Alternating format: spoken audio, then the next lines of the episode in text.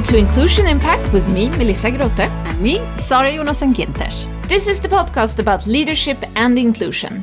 If you like what you hear, we appreciate if you subscribe and share the podcast. We welcome feedback and ideas of guests you think we should invite. So get in touch through LinkedIn, Instagram, or our homepage. This week's guest is Mohammed Osman, Head of Diversity and Inclusion at Viaplay Group. Mohammed has 10 years of experience from working in the field of diversity and inclusion and is passionate about driving change in this space. We talked to Mohammed about the future and he shares his vision of how we will work much more with building inclusive processes and structures rather than putting too much focus on the individual. Today, a lot of efforts revolve around making space for others to get a seat at the table. But Mohammed talks about how we also have to create new tables based on full inclusion. He also says that if we're able to open doors for more people and with that more perspectives, the opportunities are endless.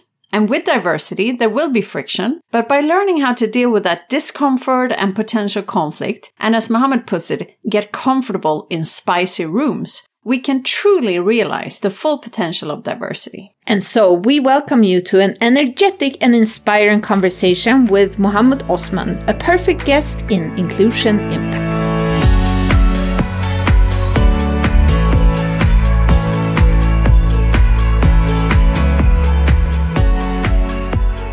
Welcome, Mohammed. How do you feel about being here with us in Inclusion Impact? It feels uh, amazing. Uh, it's a great day. Sun is shining when we're recording this, and I've been a, a, fan of the pod, so I'm really, really excited to to have this conversation with you today, and, and, and hopefully share some insights, but as well learn a lot from you. So I look forward to it. And so do we. Yes, we do. Could you please start off by telling us a little bit more about yourself and what you're doing today? Yeah, of course. Today I work as head of diversity and inclusion at Viaplay Group. And this, uh, I've been working within the diversity and inclusion field for approximately 10 years now. So almost a decade in, which, which, I, which makes me very, very happy because I, I love my job and I, I get a lot of fulfillment uh, with working with, with, with, this, with these topics and these questions. And really my, my, my journey started. Um, I'm from a very small, small city uh, down south in Sweden called Karlskrona Population 60,000. And although it was small, I had, I had access to the whole world because the place where I lived within Karlskrona called Kungsmarken had people from all over the world. So early on, I got a lot of, a lot of insights into how different cultures work, how to communicate. And I've had a lot of use of that growing up and working with what I what I what I do today. But since three years back now, I work at Viaplay Group. I'm, I'm, I'm responsible for the diversity and inclusion internally, and that goes for the whole business. Everything from the content side of things to to, to looking at how we attract and, and, and retain through inclusion and, and diversity. What gives you the most energy at work? A lot of things, but if I if I have to choose one, I have to say that curious questions give me a lot of energy. I have to say because it's a symbol of people caring, right?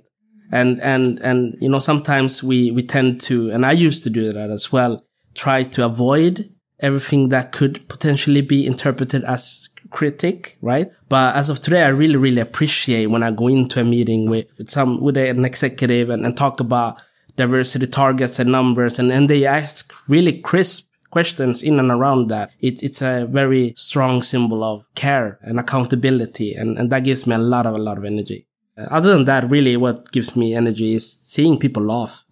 like if we can measure, have a laugh index, that would be very interesting to measure in and around our office. But that gives me a lot of, a lot of energy because that means that people are present, right? And, and, and that is very important. I love that. Maybe you can develop some kind of laughter indicator. Yeah, let's let's look at it after the pod and see if we can experiment with it. But that would be amazing. So looking back at this week, it's Friday today. What yes. has been the highlight of the week? Wow, uh, it's been a really fun week, I have to say. Uh, intensive, which comes in moments, but but fun. And the biggest highlight for me was was probably on Tuesday we celebrated Eid in and around all our offices, mm-hmm. and and it's so it's so interesting because we Hmm, when you look at the inclusion questions and the way the way we see it and the way we've talked about it, oftentimes you come to a crossroad where you have to ask yourself, should we remove things like, or should we add more things to celebrate, right? And this is for me a, a sign of us actually working towards not removing stuff, but making sure we open up so that we can celebrate more things that reflects our people and that makes us curious towards each other, that gets, makes us get to know each other more and, and, and better. Mm. And I think we might come back to that very topic a little bit later on. Yeah. yeah. How would you describe your leadership style? I try to practice what I preach.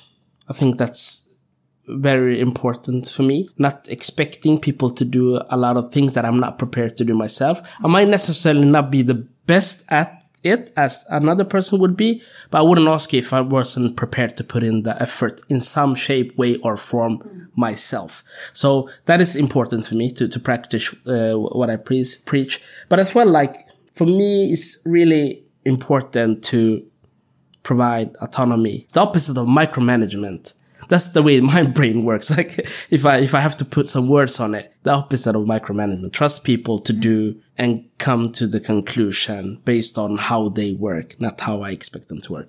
Mm. And coming back to this to practice as you preach, what what do you find the most difficult about that? I would say that the the, the hardest part is time.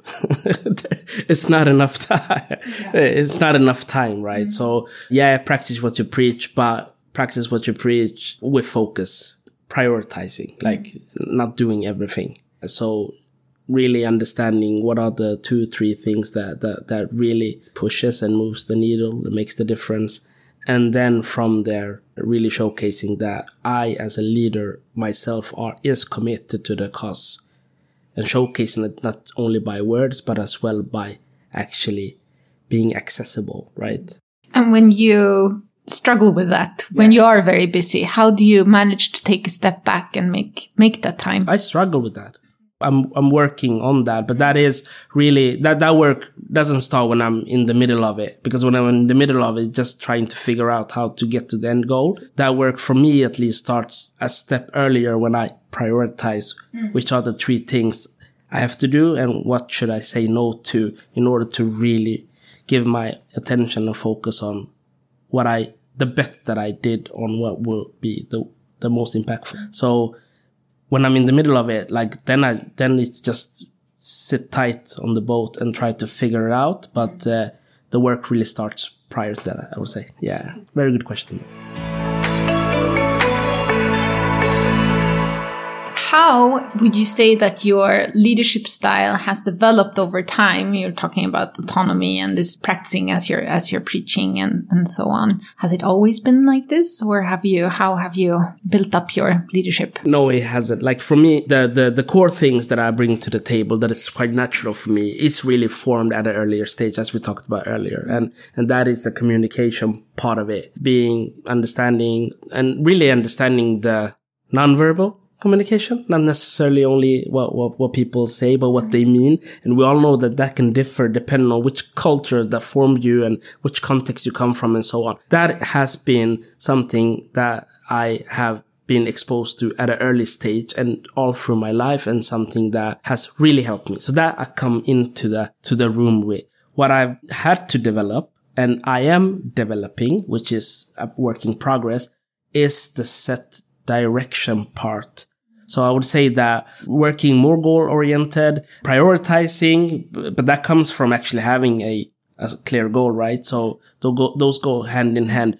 Those things are something that I feel I've been developing a lot the last two years, mainly because of the current manager that I have pushing me in that direction. So, so credit to, to Sahar, which is my manager now, that that is something that I, that I'm, that I'm appreciating and that I'm working on a lot now to take that next step, right? In, in the leadership and making sure that inclusion is something that is hopefully not talked about in 10 years time. I know it's very ambitious to say that, but that, that's, that's the, that's the mission.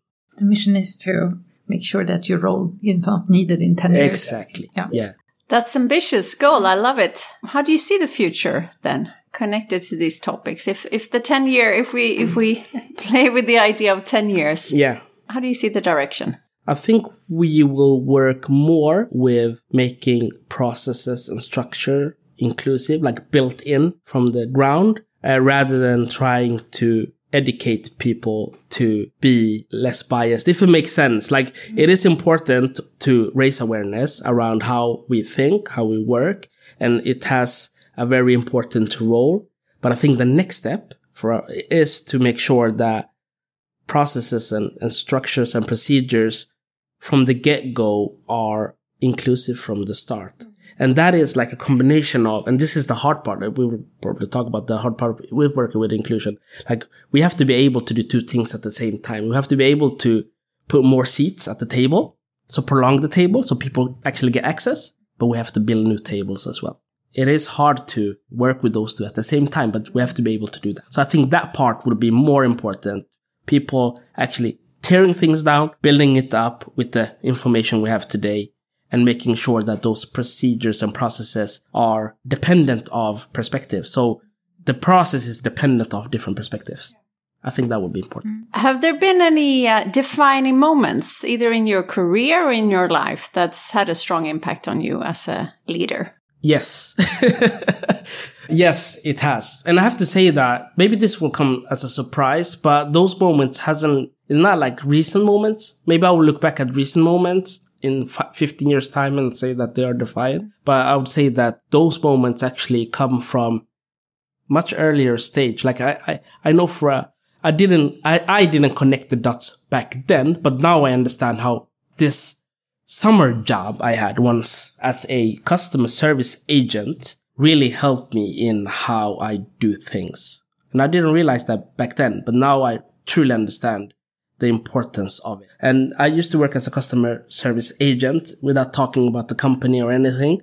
But I was sat in a call center, people call in and they need help with their TV box that they have at home. And sometimes, you know, some people call in, they're extremely mad because uh, Glamour on TV4 is down and they have to watch it now. Uh, and, uh, and, and I have to guide them through an installation over phone. So you can have someone calling you, doesn't really know how a remote controller works, extremely mad. So the first step is, okay, calm them down. Step number two, understand the problem. Step number three, navigate them through the phone to make sure you identify what is wrong and then hopefully come to the they come to the conclusion because you're obviously over the phone, right? All of those four steps that I just described, extremely important in what I do today. And sometimes, you know, I, I wish that, you know, when I went to school, that these type of practical ways of seeing things in terms of how you can use them later would be explained because then it would make so much more sense to go to a summer job, learn these things that you will use later on.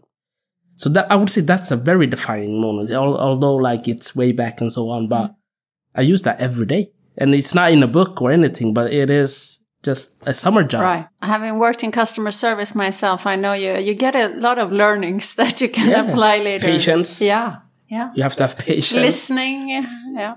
So you have already shared that your challenge with uh, making sure that you are available and time and prioritizing and also setting goals. What other leadership challenges are you facing? It's a really hard question though. Mm. But I would say that I think I'll come back to priorities. I think that's, that's the, that's the prioritizing the right things because you just have a limited amount of time. So you have to make sure that whatever you focus on is really what is making the difference for the people you're trying to lead. So for me, that is the biggest challenge from on a day to day basis, making sure I prioritize right. It's really about uh, handling change. Yeah yeah. And, and also within the area of diversity and inclusion, there is a lot of change. And I mean, if you just look at society and I mean, everything that's going on in different movements and politics and um, cultural context, I mean, all those things can very quickly have an impact on this area. 100%. Uh, that is what we're saying. You, diversity brings more perspectives to the table. And that is most often as well presents solutions that are uncertain and that can be uncomfortable. So a huge part of, of succeeding with the inclusion is being comfortable with the uncomfortable, being comfortable with not knowing. And that is, I think, from my perspective, the last decade that I've been working with this, I've seen a little bit of a shift. Like still there is division when you talk about diversity and inclusion, depending on who you talk to, obviously. But I've seen a shift from instead of I've seen a shift where companies no longer maybe feel the guilt like there was a guilt associated with it prior yeah. like you're bad because you don't have diversity but at the same time they're looking at their at the bottom of the of the of the of the of the profit sheet right? And ah we're not we're, we're not so bad. So like the the the the packaging of how you work with it has probably changed for the better. So it not, it's not saying that the company is bad. It's more about talking about how you can get better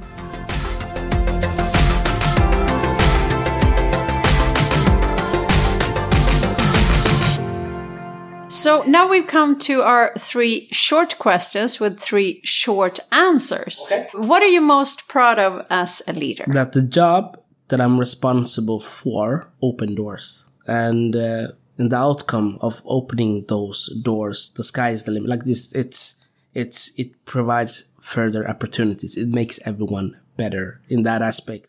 What's the most difficult thing about being head of diversity and inclusion? It is to manage the diversity of thought and mm. opinions and perspectives and so on. Obviously, data is is, is very helpful because uh, like it's hard to debate facts, right? The numbers and, and, so on. That's one part of it. But I'd say that the opinions of like you have a, one group of people who feel that things are not going fast enough, and then you have one group of people who feel th- threatened. Maybe like, am I gonna be replaced because of us working this way or whatever we're doing? And to manage that like both groups, let's say, let's put it this way. Having those two groups in an organization is healthy because that means that you're actually doing something. If you don't have that, then you should ask yourself if it's diverse enough. So we can start there. Are there any leaders that inspire you? And if so, why? I have to say that the people I work with today really inspire me in many ways. The main thing that inspires me is what I, I, touched upon it earlier accessibility. They are accessible reachable, independent of title. Title is all good and well, an email away. Those people really, really inspire me.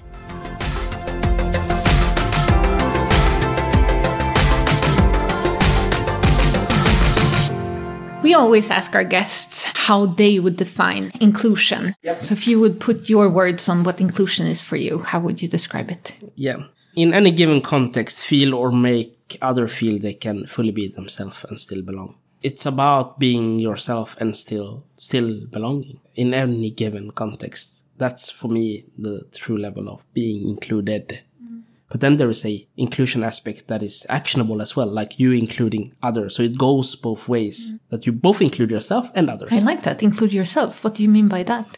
What I mean by that is knowing yourself good enough to, to know what inclusion means for you. Like I can give an example. A person like me who really likes to talk, I talk a lot right? So inclusion for me is to not talk so much. While inclusion for someone else who may not talk so much is to take the space, right? Right. And when we talked um, before the, this uh, conversation, you talked about inclusion being sort of a verb, something you do, yes. something you do actively. And so, uh, how do you do it? How do you create those environments in which people feel they can be themselves? Yeah the way I see inclusion, it, it is a verb. It's quite easy to understand that you have a role in it, right? Yeah. Whether to be included or to include. So it goes both ways. For me, like in an organizational type of setting, really inclusion is about two things. Okay. So you, from my perspective, the first thing, the first part of inclusion is really what I call some sort of cognitive inclusion. Mm-hmm. Pretty much actively asking for a perspective on something you're working on because you believe it will make it better. So going to different people, getting feedback, making sure I get different opinions on it is one aspect of looking at it from an organizational context. The other type of inclusion is the more social type of inclusion. And that is like, when it comes to the social type of inclusion, it's very, very small things that can make a big difference. I, I have a brother, a bigger brother called Liman Osman. Like, this is something, I don't know where he got it from, some people have it, some don't, but we can all learn it. He is the type of person that if we are three people in a room talking to each other, one of us leave the room, the two other continue the conversation. The person who left the room comes back after five minutes. Me and the person who were left, we are now talking about something else. Okay. The person who just came have no idea what we are talking about. Often what happens is that we just continue to talk and you sit there trying to guess what we are talking about now. If we start to laugh, you will laugh with us because that's what we do. But a, an inclusion type of action for me is taking a second when you come back and saying, Melissa, now we're talking about this. And now you're part of the conversation. That is inclusion. So it's very subtle, but this happens all the time. And my brother is that, I mentioned my brother here again, but he's the type of person that can, you know, you know, sometimes you have people who translate internal jokes. It's very, like, it can be cheesy, but it's extremely important, you know, to make that person feel included. So it's those subtle things that, that makes a difference. So that's what I would say. No, it really is. And, and oftentimes it comes up uh, in our conversations, like uh, a recent guest talked just about the fact of saying hello to the people you meet in the office, for example. That's not a given everywhere, you know. Uh, people won't even greet each other. They don't really see each other. Again, such a small action but can have a huge impact on the person you meet. Yeah. Or asking, how, how are you yeah. doing? And actually listening at, to the answer. Yeah we've seen this a million times. People just running, running yeah. in the hallway. How are we doing? And not really, really listening at the answer, right? Yeah. So, uh, yeah, it's, it's those very, very, very subtle things. Going into an elevator, do not bring up your phone. Have the conversation with the mm. person. And, and the thing is, I understand why people go to their phone because you have your in group in the phone. Yeah. So you get com- like confirmation of people who think like you in your phone. It's comfortable. Mm. But I really believe that if we're in the same room and we don't talk, I have no idea how to include you. But if I ask you, Sara, next week I'm going to work on a project. These are my strengths. How could you contribute? Now you can tell me without me putting words in your mouth what you're good at. And then we can see how we complement each other, right? So information is key for inclusion. 100% key for inclusion. And, um, I'm thinking from, from the perspective of the products that you are producing as, as a company, what role does inclusion play there when it comes to, or how does inclusion play, play a role there when it comes to representation and when it comes to the role you have as a company?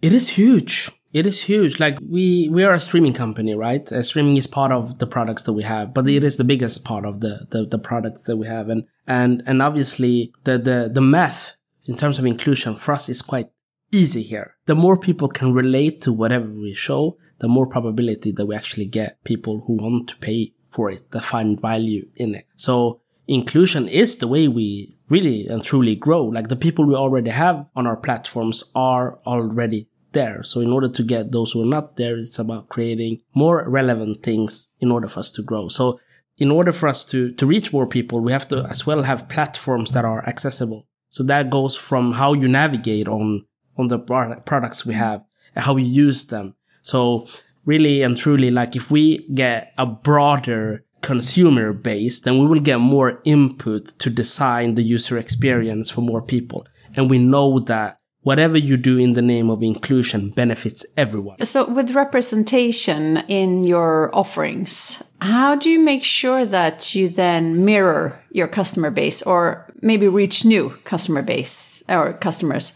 And how do you make sure that representation then doesn't become stereotypical or, you know, reinforce stereotypes that we see in society? That is uh, that that is hard, but but I think that for us it really is based in making sure that we get the stories that we don't have today. So really it boils down to the story, where the story is coming from, who it's coming from, and then it gets formed from there. So the representation comes from the storytelling being diverse. And that is, that is our strategy as well in terms of working with diversity, making sure we get the stories that we don't get today, encourage more people to write, come with ideas, pitch ideas, and then from there build representation on the platform.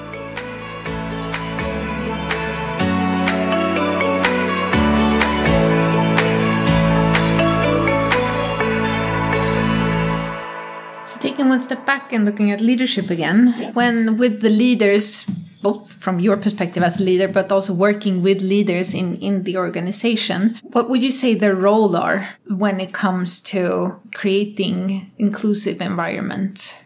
Their role is uh, extremely important, I would say. There are like, they are, they are obviously enablers and, and, and leaders set the tone in terms of, obviously not themselves, but together with their teams, of course, they set the the term the, the the terms in terms of um, what gets rewarded what gets recognized what gets punished uh, if we want to talk in those in that language. So the leader is extremely important because the behaviors you highlight and reward are the behaviors that people will follow by the end of the day. And if those behaviors are behaviors that a team set together then the team can regulate themselves. Like you don't need a leader going in there and telling someone this is exclusive and this is uh, this is exclusion, this is inclusion, and so on. It will be a conversation. But it's not always easy. And uh, we talked about you know different diversity, different perspectives, diversity in perspectives in the team and uh, of course different backgrounds opinions um, cognitive approach etc it can be difficult for leaders to lead such teams. And we know you've also worked a bit around like how to deal with with those difficulties and the maybe conflicts as well that can arise yeah. right? yeah exactly. And i think that you are totally totally right. The the reason why for a much short term perspective homogeneous teams are more efficient is because people are thinking the same. So there is there is not misunderstanding slowing the pace down. Obviously, we talked about there's there's a ceiling, and any ambitious company wants to raise that ceiling, right? So that's why diversity is a really good thing to invest in as an organization. But I'd say that, yeah, with diversity, obviously there will be friction. It comes with a price. But that friction is the exact same thing given it's managed right that also gives all the benefits, right? So you don't want conflicts you want friction. You don't want conflicts. So what is the, the core, the key aspects in order to succeed? It is to have very, very clear mission. So it's fine for us three to have different perspective on how we are going to reach the mission, as long as we are agreeing on that is the mission. Here is the leader's role in that to set the direction we talked about earlier, making sure everyone understands this is where we're heading. Are you in on that. If you are, then it's totally fine that we have a spicy room, as I call it. It's actually a very healthy thing that to have a spicy room. And you know, you can even artificially train teams in being comfortable in the uncomfortable. That's why like a exercise like six hats are quite good to do where people get different roles uh, and they, they argue their point based on that role. Like that's a great way of learning how to be comfortable in the mm. uncomfortable a spicy room. Yeah. That's going to be a, a new tagline. Yes. spicy room. More spicy rooms. More spicy rooms. Yes. Listening to you talking about inclusion and diversity and also working with it now for a decade, talking about how you got the exposure already as a kid to different cultures. Where does your passion come from for your work and for these topics? From many places. Like, but, but obviously there, there, there is a core. And I, I'd say that that core, that core passion really comes from experiencing exclusion myself at a very, very early stage and really not liking that feeling. But then obviously that has developed into other things that also give me passion. Like I, I've been I've up across in so many rooms with people that are extremely successful, that are in, at a, in a certain way that I kind of recognize from someone that I met at a place who maybe made the wrong choices in life, but they have the exact same attributes, right? But one used it in one way and one used it in another way. But the attributes, they are exactly the same. Like this person in the right context is the best salesman ever or woman, right? And those things fascinate me because obviously there are so many talented people and context matter. So for me, to be able to contribute to opening doors wherever those doors are is super meaningful because I've seen all types of directions. And it comes back to what you said also gives you the most energy at work, mm. that thing about opening doors, breaking down barriers. Yeah.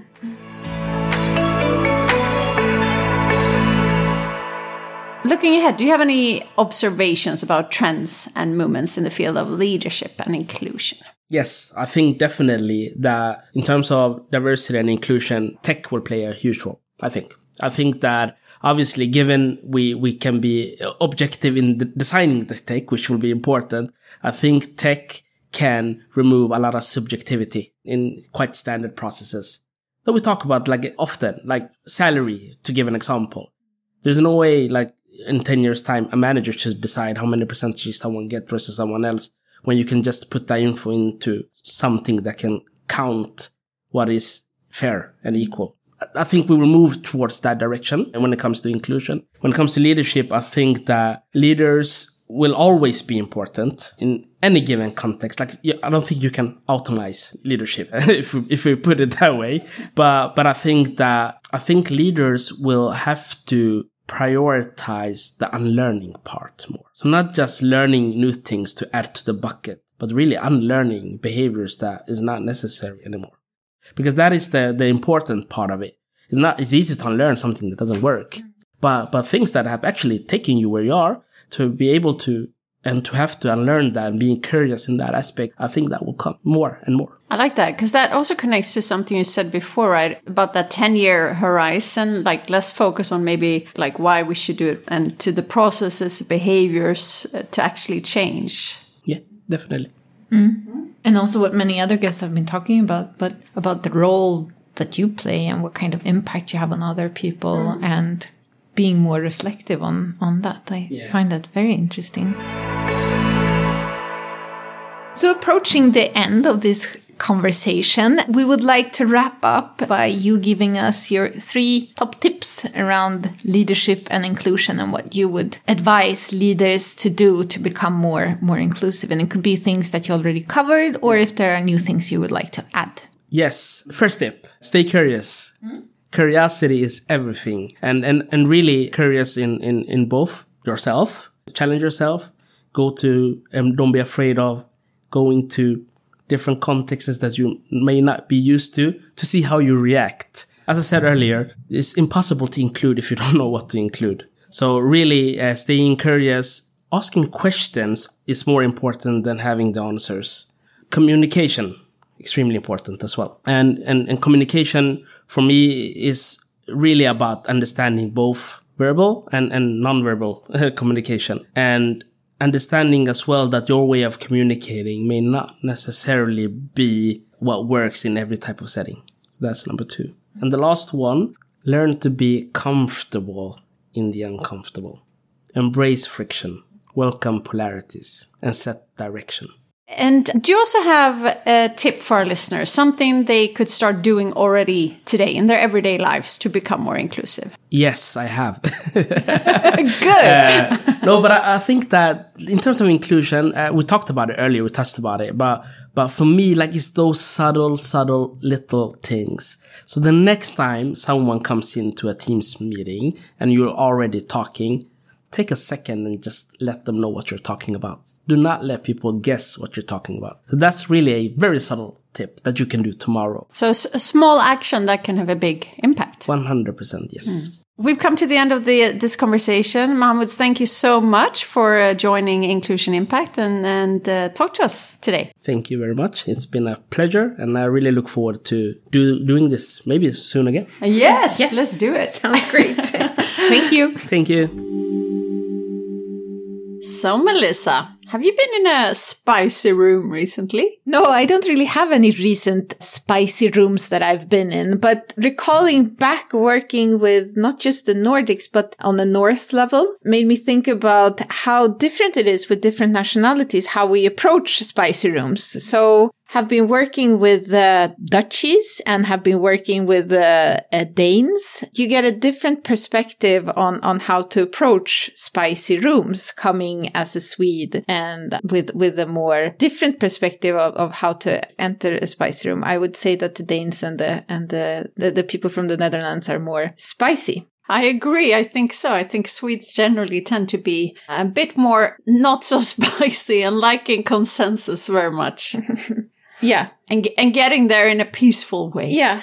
Yes. And, and I think that that also makes it very interesting the approach that they that that Mohammed was talking a little bit about to actually educate people in in handling conflict that conflict is not a bad thing it's more about what you do with the conflict and and how to how to handle it mm. Yeah, and be be comfortable in it, and perhaps sometimes not even see it as conflict, but just that friction and discomfort that that you can experience. Yeah, And just by mentally thinking that it's a spicy room, I think that gives it a complete different feel to it. I love it. I'm going to start talking about spicy rooms left and right now.